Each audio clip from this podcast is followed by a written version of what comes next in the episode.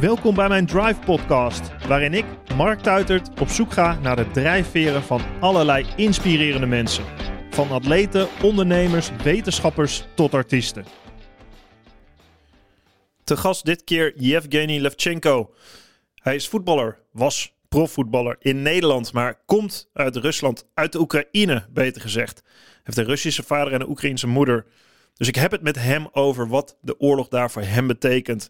Hoe gedrevenheid bij hem parten speelde om vanuit armoede zijn weg omhoog te vinden. En voetbal was zijn middel. We hebben het over overtuigingskracht, over de oorlog en over het leven. Luister naar en leer van Yevgeny Levchenko.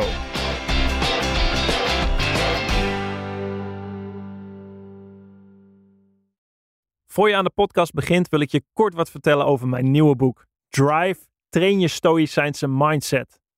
Tijdens mijn carrière, maar nu ook als ondernemer en vader, heb ik veel gehad aan de principes van de stoïcijnse filosofie.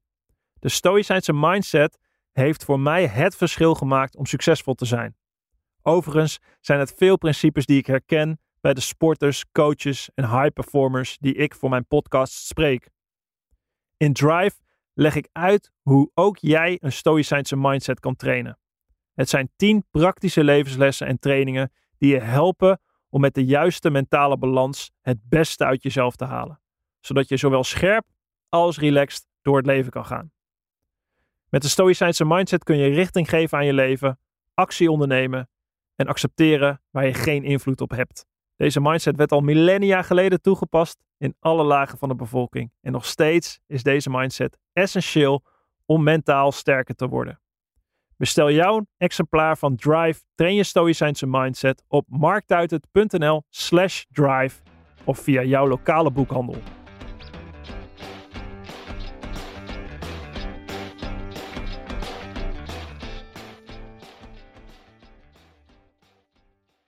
Welkom, Lef.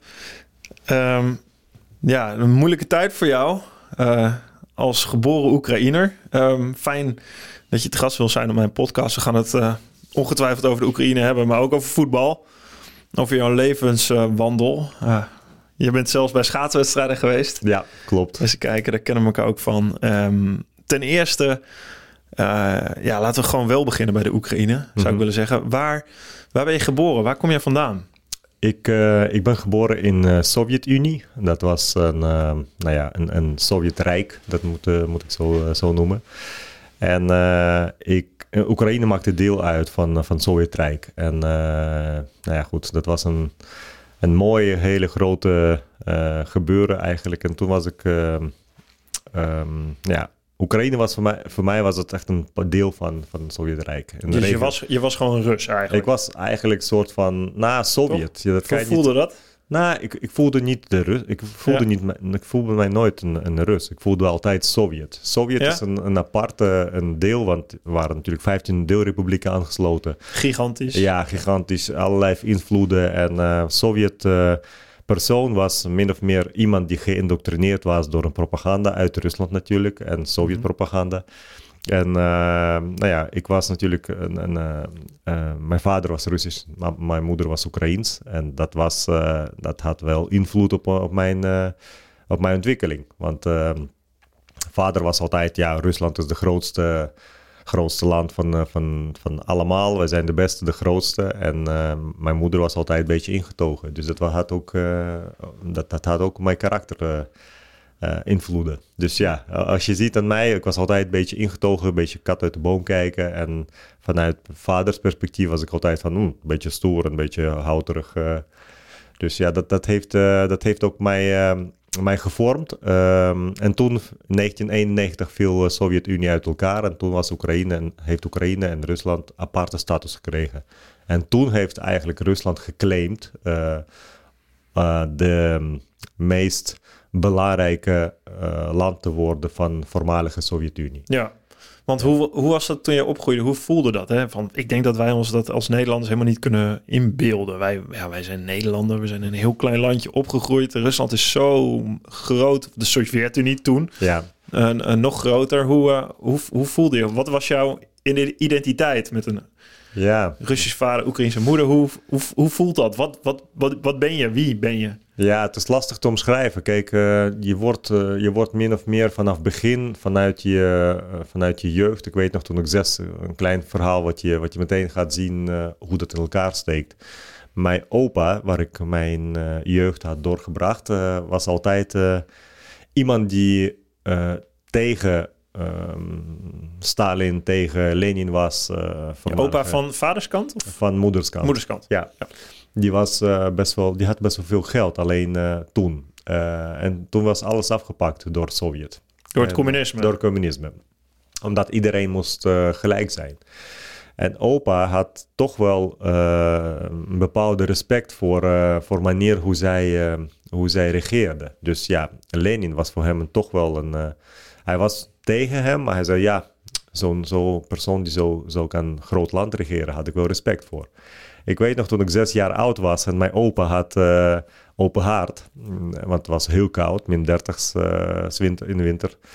En toen uh, probeerde ik papiertje met, met Lenin daarop in, in de kachel te gooien. Nou, die begon tegen mij te schreeuwen. Die zegt, nee, dat is opa Lenin. Daar mag je nooit eigenlijk nooit, iets mee doen. Dus dat, dat was zo diep bij iedereen. Dat is een kenmerkend voor alle mensen die in Sovjet zijn opgegroeid. Gelukkig is het wel langzame hand veranderd in, in heel veel deelrepublieken. Alleen in Rusland is op dit moment, nou ja, Bedoel je dat ook een beetje met wat je eerder zei, een soort staatspropaganda? Dat het een soort verheerlijking is van, van de heersers? Uh, ja, ja. Want Stalin. Het, het, werd, het werd natuurlijk vanuit de jeugd. We hadden vanuit, vanuit de jeugd, je had pioniers. Die, dan moest je gewoon een, een, een, een bepaalde spreuk doen. Dat je een trouw blijft aan opa Lenin. En dan ga je naar wat was dat? Pionier ben je dan? Ja, pionier ben je van, uh, weet ik veel, van 6 tot, uh, tot 12. En dat ben je op school? En dan ben je op school, dan ben je gewoon echt een, eh, een deel van de communistische partij. Een kleine deel van de communistische partij. En dan stap je verderop, op hogerop. Ben je uh, Kamsamolets, dat is een, uh, een volgende stap. En als je Kamsamolets bent, dan ga je studeren bij universiteit. En als je trouw bent aan politieke partij van, van Sovjet kan je een stapje hoger op maken. En dan zo, zo, zo eigenlijk rol je van de ene kant naar de andere kant. En er is geen weg links of rechts. Dus het is, uh, dat was echt een hele lastige. Hoe was dat voor jou als kind? Wat? Ja, voor mij was het, uh, weet je, ik was altijd een beetje rebels. Uh, voornamelijk in, ik dacht, nou, waarom, waarom moet ik pionier zijn? Dus ik heb, ik weet nog dat de eerste keer dat ik die spreuk moet doen, heb ik expres min of meer dat ver, verknoeid. Want ik dacht, nou, boeit me niet. En tweede keer heeft uh, onze lerares gezegd, als jij dat niet doet, dan ben je eigenlijk uh, buitenstaander. Dan ben je gewoon echt uh, afgesloten van alle, al je vriendjes. Nou, dat schrok ik, daar schrok ik zo erg, dus ik moest gewoon wel daarna bij pioniers horen. Anders zou ik niet met mijn vriendjes kunnen spelen. Hm.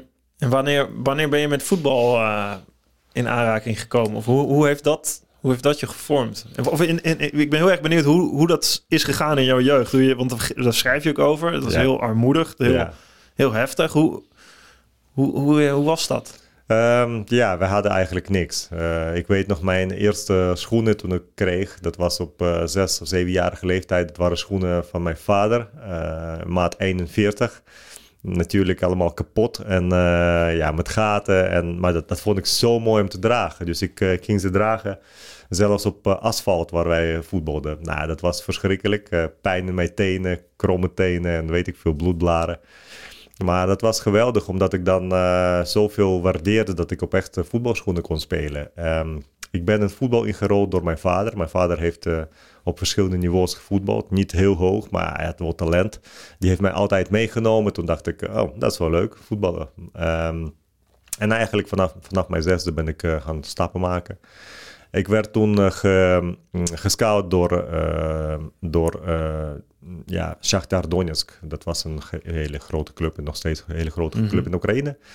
In sportinternaat gezet. Ehm, dat is ook de plek waar nu echt gevochten wordt. Ja, in Donetsk. Ja, ja. dat is echt een plek wat, wat eigenlijk bij Oekraïne niet meer hoort. Mm. Dus die werd afgepakt. Um, en daar heb ik twee jaar doorgebracht. Um, meest meest verschrikkelijke tijd uh, qua levenservaring. Want uh, je moet voorstellen dat er waren veel, veel verschillende topsporters. Dus van uh, schaatsen tot voetballers tot worstelaars.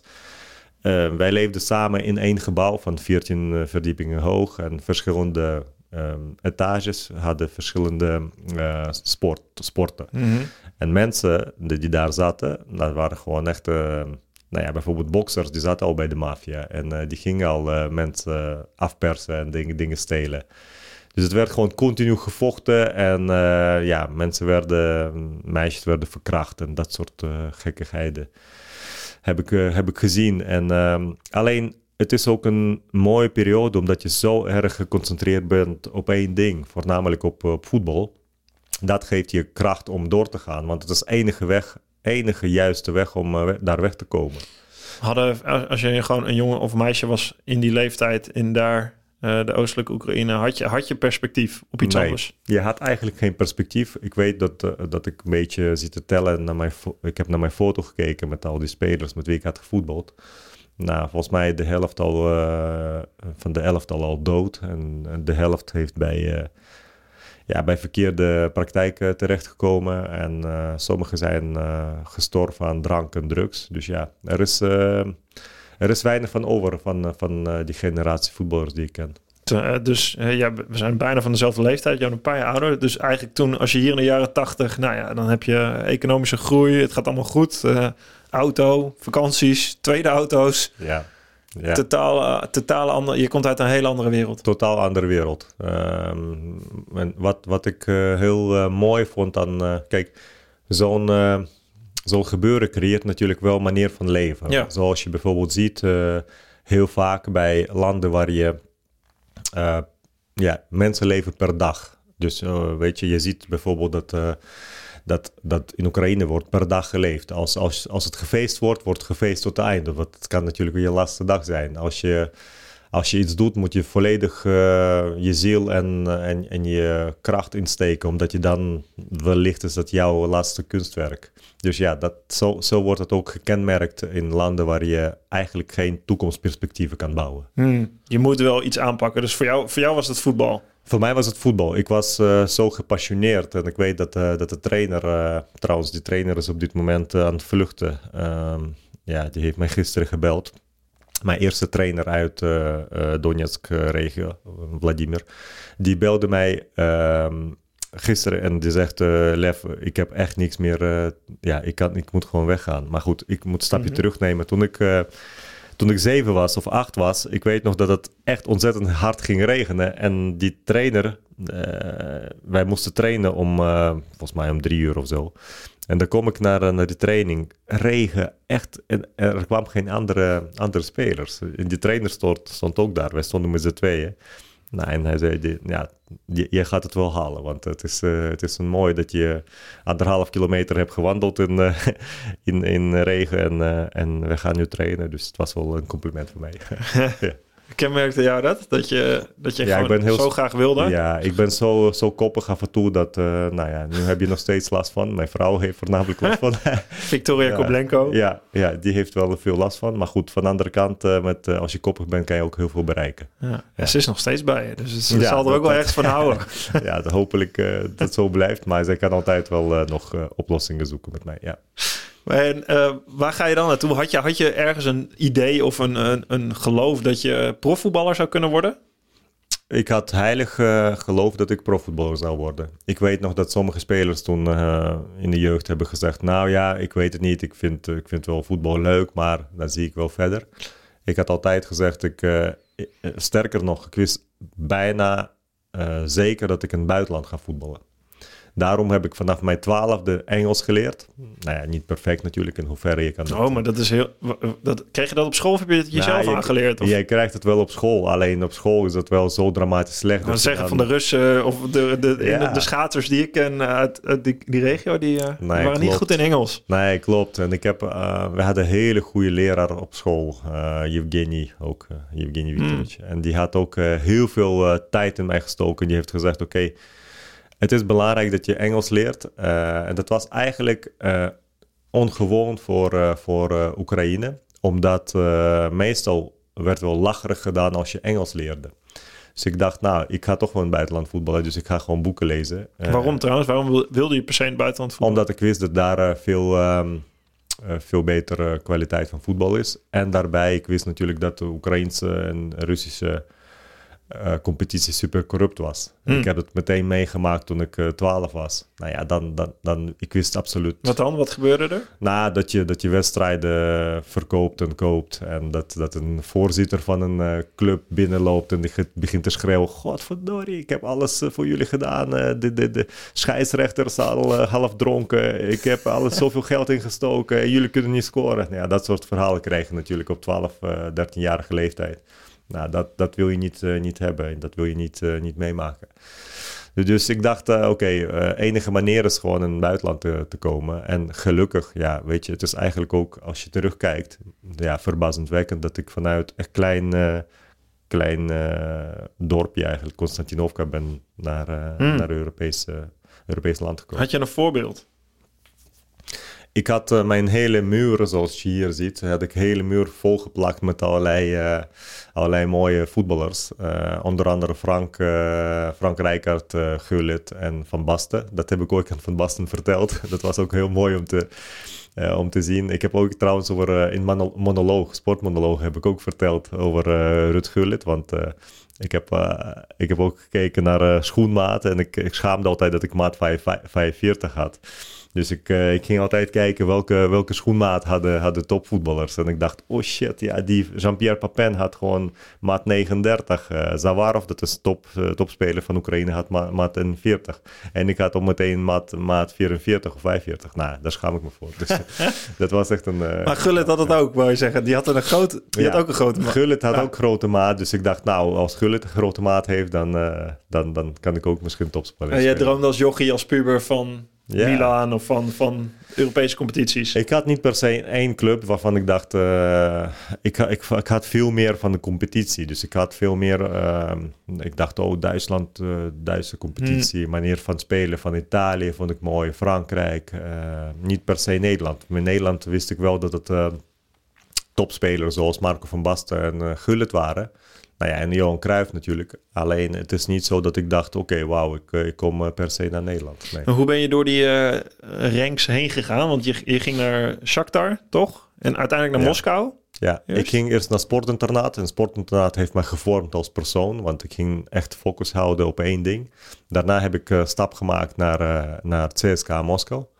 En dat was best wel een grote stap. Want als je op 16-jarige leeftijd uh, anderhalf duizend kilometer moet verderop zitten van je ouders. Dat is wel vrij lastig, maar ik kon het best wel makkelijk aan. Want uh, ik, ik voelde vanaf mijn veertiende dat ik een bepaalde missie had. Dat ik een bepaalde, um, ja, wat zou ik zeggen? Een drive. Drive had, ja, inderdaad. Dat is goede uh, drive. En dat, dat heeft mij altijd een zetje gegeven om zonder, zonder te twijfelen ergens naartoe te gaan. Ja, ja je wist, dit, dit moet ik gaan doen. De, ik, ik, zelfs, uh, dat waren geen twijfels mogelijk. Hmm. Zelfs mijn moeder heeft gezegd, oh Lev, uh, ik, ik, ja, je krijgt zoveel schoppen en uh, misschien moet je hier blijven. Mijn moeder heeft altijd gezegd, je moet accordeon gaan spelen. Dan kan je gewoon bij huwelijken veel meer geld verdienen. Nou, dat, dat was haar, haar idee over... ja, over het is mijn zoon een iets veiligere omgeving ja. wellicht dan het internationale voetbal. Ja, klopt. En hoe uh, heb, je daar, heb je daar competitie gespeeld? Heb je een Russische competitie? Ja, ik heb bij CSK heb ik, uh, nou ja, ik was natuurlijk 17,5, Ja. 16 toen ik daar kwam. Um, heb ik meteen in tweede van CSK gespeeld, getraind met de eerste. En eigenlijk zou ik uh, meteen bij het CSK 1 aansluiten. Dat is een grote, grote ploeg, Super CSK. groot, ja. Het, was dit na de val van de muur? Ja, ja zeker. Ja, ja. Het was al uh, 95. Ja. Ja, en de, de, de trainer kwam naar mij toe, was zo'n Targanov, dat is een, zo'n echt een stoere trainer. Die komt naar mij toe, oké, jij gaat met ons trainen. Nou, zonder uh, wil je met ons trainen? Nee, jij gaat met ons trainen. Oké, duidelijk. Nou, jij gaat met ons trainen. Uh, en dat is natuurlijk wel, je traint met de grootheden van, uh, van CSK. En toen kwam een uh, zaakwaarnemer, een Russische zaakwaarnemer, die had hele goede contacten met Karel Albers van Vitesse. Ja. Dat was de voorzitter van Vitesse. En toen Ja. heb ik gevraagd, zou je naar, uh, uh, naar Nederland willen? Ik zei nee, niet. Maar uiteindelijk is het wel zo gekomen dat ik naar Nederland ben gekomen. Ah, Ja. mooi, mooi, mooi. Wanneer ben jij naar Nederland gegaan? Ik was uh, 16,5, uh, 17. Uh, ik, had, ik had een Russische zaakwaarnemer. Die heeft gezegd, ja Lev, er is een mooi contract voor jou in Nederland. Wil je naartoe gaan? Eerst, mijn eerste gedachten waren, nee, dat ga ik niet doen. Vitesse was dat toch? Vitesse. Ja. Ik dacht, nee, dat ga ik niet doen. Ik wil eigenlijk in Rusland bewijzen, bij CSK. En toen dacht ik, hmm, Oké, wie heb ik voor mij? Er waren twee spelers die echt toptalenten waren. dus ik had geen tijd om, om eigenlijk ik had geen zin om, te wachten en op, uh, in tweede alleen maar te spelen. Toen heb ik gezegd, oké, ik ga proberen. Ik ga kijken of ik, uh, of ik het leuk vind. Ben ik naar Nederland gekomen en meteen, ik was meteen eigenlijk gecontracteerd voor vijf jaar. Dus dat was voor vijf jaar? Ja, het is echt een hele... Kijk, Karel Albers, dat was niemand die, die, die meteen wilde iets opbouwen voor lange termijn. dus hij, hij sloot contracten van vier, vijf jaar lang. En hij dacht, nou, het is een talent, die kunnen, wij, uh, kunnen wij contracteren en doorverkopen, waarschijnlijk. Hmm. Dus ik had een uh, contract voor vijf jaar. Uiteindelijk wel niet de slimste beslissing, want... Uh, je is al jong ook. Ja, jong. Je bent 17 en, en, wat ga je vijf jaar doen? Dus ik was... Nou, het was niet best. Maar goed, mijn zaakwaarnemer heeft heel veel geld aan mij verdiend. En die, die, die gaat dat wel... die, die vond het een goed idee. Die, die dacht, nou prima, zo, zo kan je wel, wel mooi... zit je onder de pannen, ja. Hmm. Hoe was dat voor jou om hier... Ging je in Arnhem wonen? Of je werd eerst verhuurd nog, toch? Of? Ja, ik ging in Arnhem wonen. Het eerste half jaar heb ik nog in, bij Vitesse gevoetbald. Uh, dat was... Uh, ja, in ieder geval was voor mij echt een hele grote contrast met, uh, met Rusland. Want Rusland in die tijd was heel grijs. Ik weet nog dat ik... in 96 hadden wij pas eerste sneakers en Mars heb ik geproefd, gegeten. Dus ik dacht, wauw, wat is, wat is dat lekker. en dat, daarna had ik, uh, ik weet nog, mijn eerste vlucht van, uh, van Moskou naar, uh, naar Amsterdam. En dan de hele weg van, van Schiphol naar Arnhem was voor mij echt een verbazendwekkend dat wij geen gaten in de weg hadden. Dus het was echt een hele, hele aparte ervaring. Twee uur zonder gaten in, in, in, in, de weg. Um, en nou ja, goed, je zag natuurlijk dat alles schoon was, netjes, goed georganiseerd. En dat, dat was voor mij een grote grote verrassing. En hm. eh, wat ik mooi vond, is dat iedereen best wel open was. En tegelijkertijd, uh, de taalbarrière maakt je natuurlijk wel kwetsbaar. En dat je niets, niets begrijpt. Ja, ik zat, ik zat in Arnhem in, in, een hotelletje en zat ik daar in zo'n kamertje zoals wij nu zitten, hm. opgesloten. En ja, ik durfde eigenlijk ook niet naar buiten te gaan, want ik dacht, nou ja, straks moet ik praten. Nou, dat wil ik niet hebben. Ik weet nog dat een paar keer ben ik naar Albertijn gegaan en nou, een paar sommige dingen kopen. Ik heb het wel vaker in sportmonoloog mm. verteld, dat ik dan bij, uh, bij yoghurt kom en zie ik 15 verschillende pakken yoghurt inderdaad. En dan weet je, dan denk je, wauw, wat, wat is dit nou voor een rare gebeuren? Hoe kunnen jullie zoveel yoghurt hebben? ja, dat soort dingen heb je... Jullie hadden gewoon yoghurt? We hadden één, één, één yoghurt, dat heet ook yoghurt. En uh, ja, dat, dat was echt uh, heel grappig om te zien. Dus cultuurverschil en cultuur...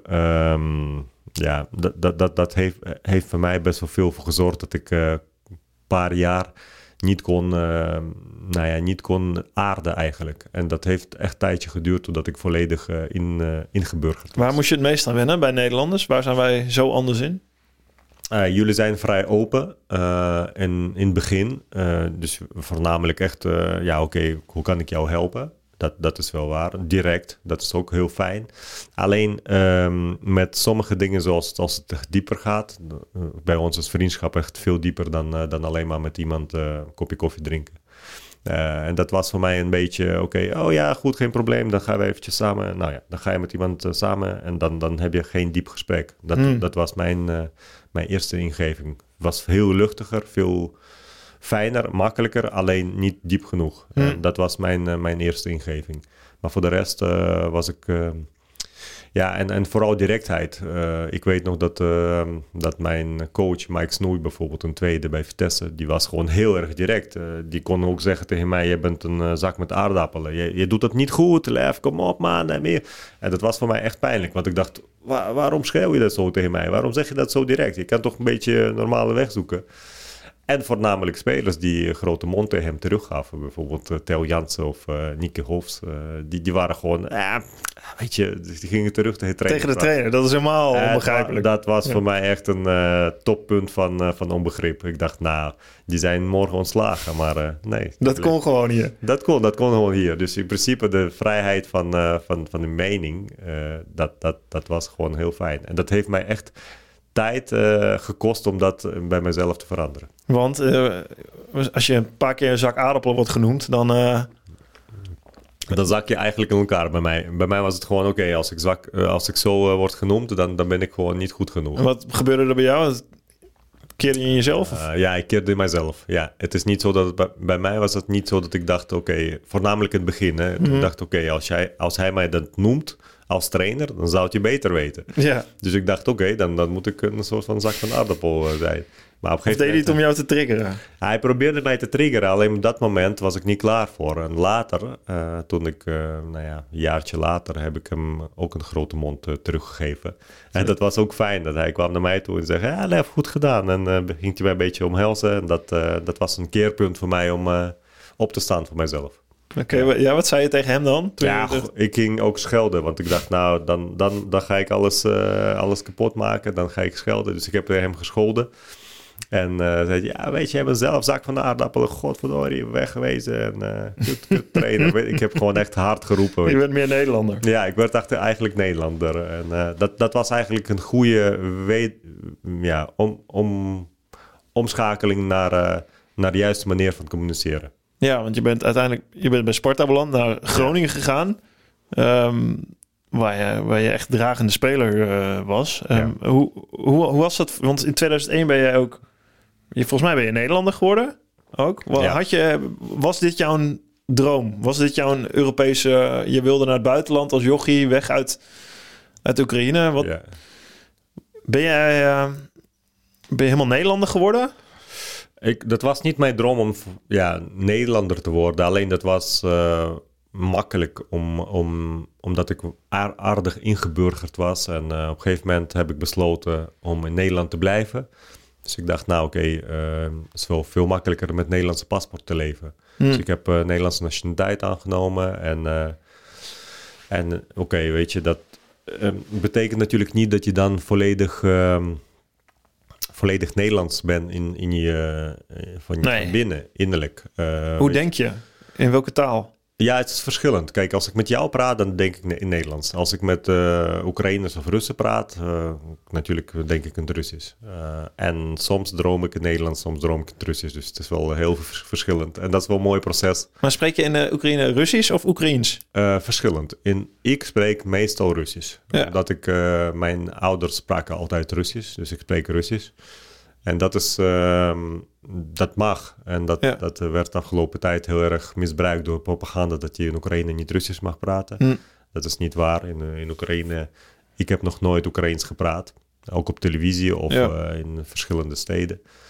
Eh, alleen goed, het is wel, de wet is aangenomen dat je in Oekraïne als hoofdtaal Oekraïens is. Hm. Dat, dat is wel normaal, zoals Nederland hoofdtaal Nederlands is. En hoe spreek je met Victoria samen? Wij spreken thuis met de kleine, met Kie, eh, spreken wij eh, Russisch.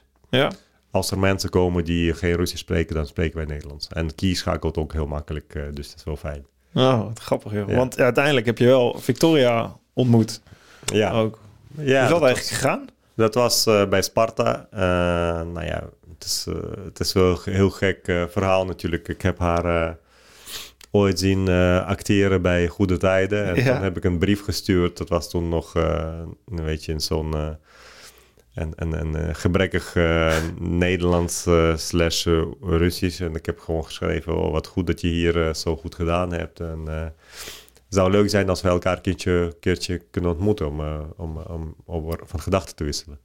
Nou, zij heeft eh, niet, gereageerd, af denk ik eh, drie weken of zo. En toen heeft ze iets teruggestuurd. Ehm, toen gingen wij met elkaar eh, alleen maar eh, eh, schrijven. En op een gegeven moment heb ik gezegd, ik ga binnenkort naar, bij andere clubs spelen. Ik ga naar Griekenland. Zullen wij een keertje elkaar ontmoeten? Want wij zitten alleen maar te schrijven al half jaar of zo. Hm. Nou, en toen hebben wij elkaar gezien in Rotterdam. En toen was het, toen was het nou, met elkaar. Ja. Hey, en eh, zij, zij je vertelde ook, zij, zij werkt dan ook, eh, ze heeft opdrachten in, eh, in Rusland. Ehm, jij hebt vanaf 2014, toen Rusland de Krim heeft ingenomen en eigenlijk die oorlog is gestart, besluit jij niet meer naar Rusland te gaan. Ja. Ehm, hoe, hoe is dat vanaf 2014 voor jou geweest? Hoe, hoe, hoe, hoe kijk je het vanaf hier, vanaf Nederland, naar? Je hebt denk ik veel familie die daar nog woont, ja. in het oosten van de Oekraïne.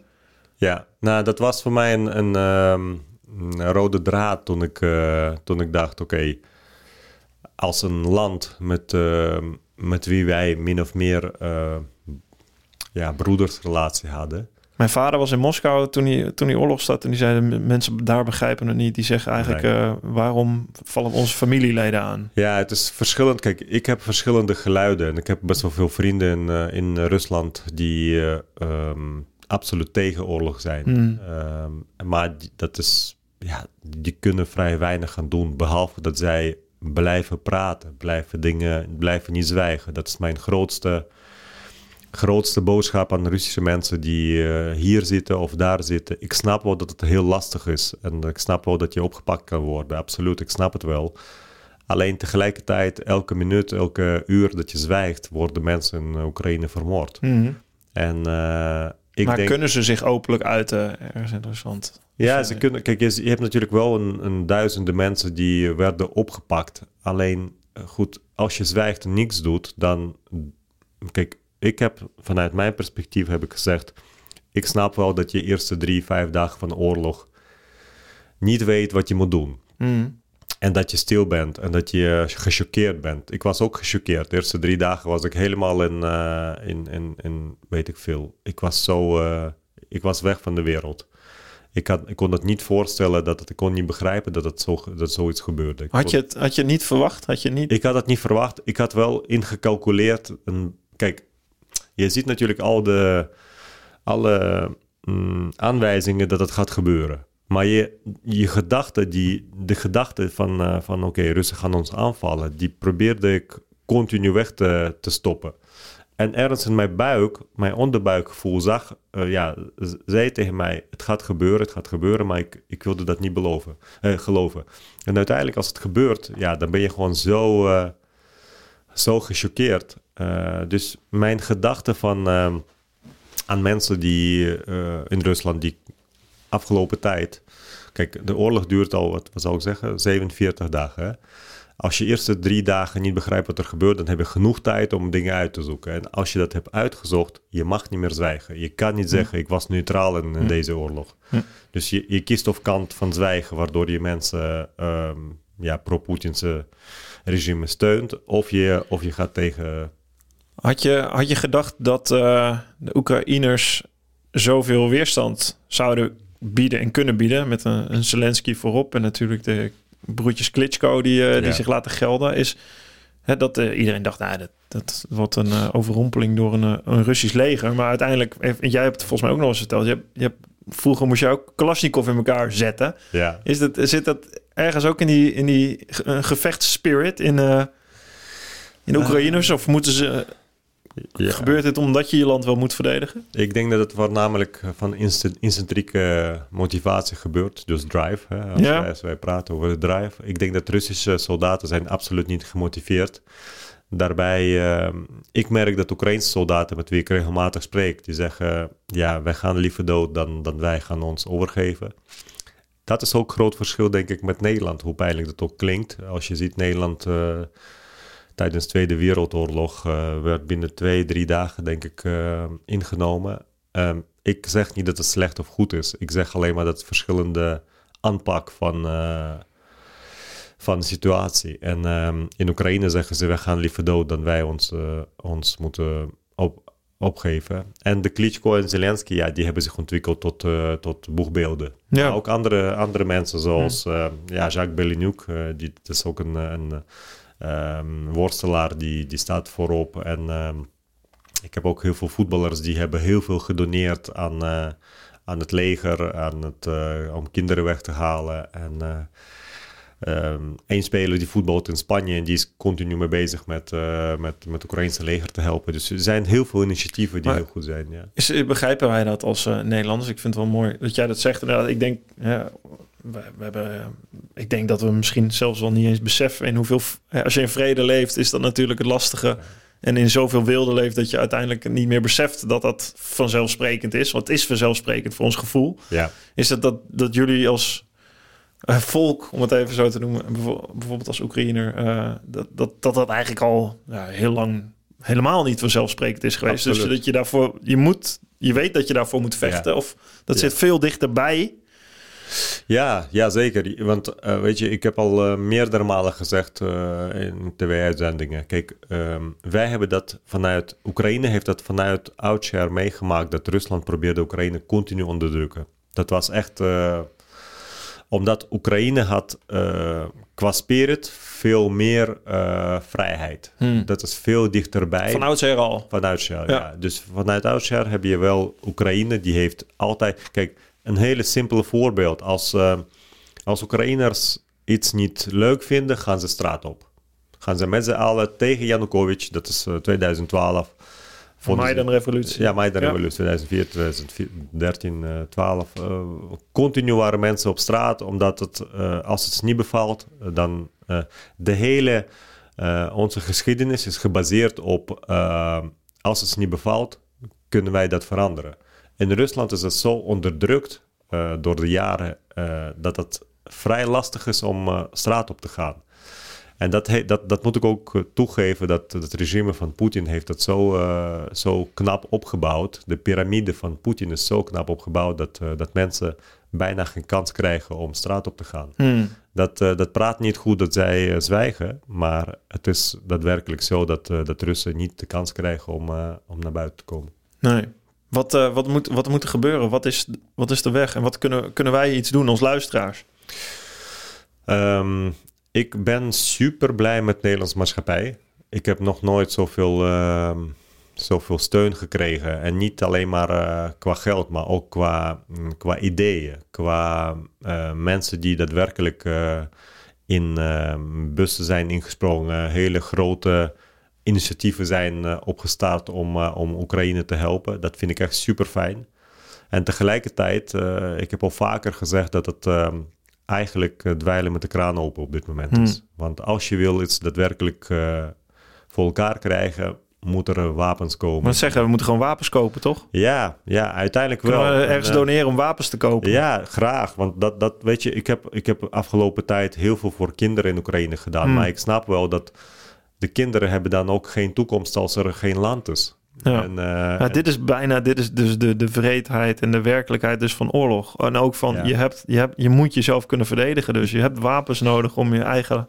Ik heb mensen die aan frontlinie vechten, die zeggen letterlijk, uh, wij moeten nu um, onze munitie tellen voordat wij gaan schieten. Dus dat betekent dat het uh, niet meer mag zomaar geschoten worden als je geen doelwit zit. Ja.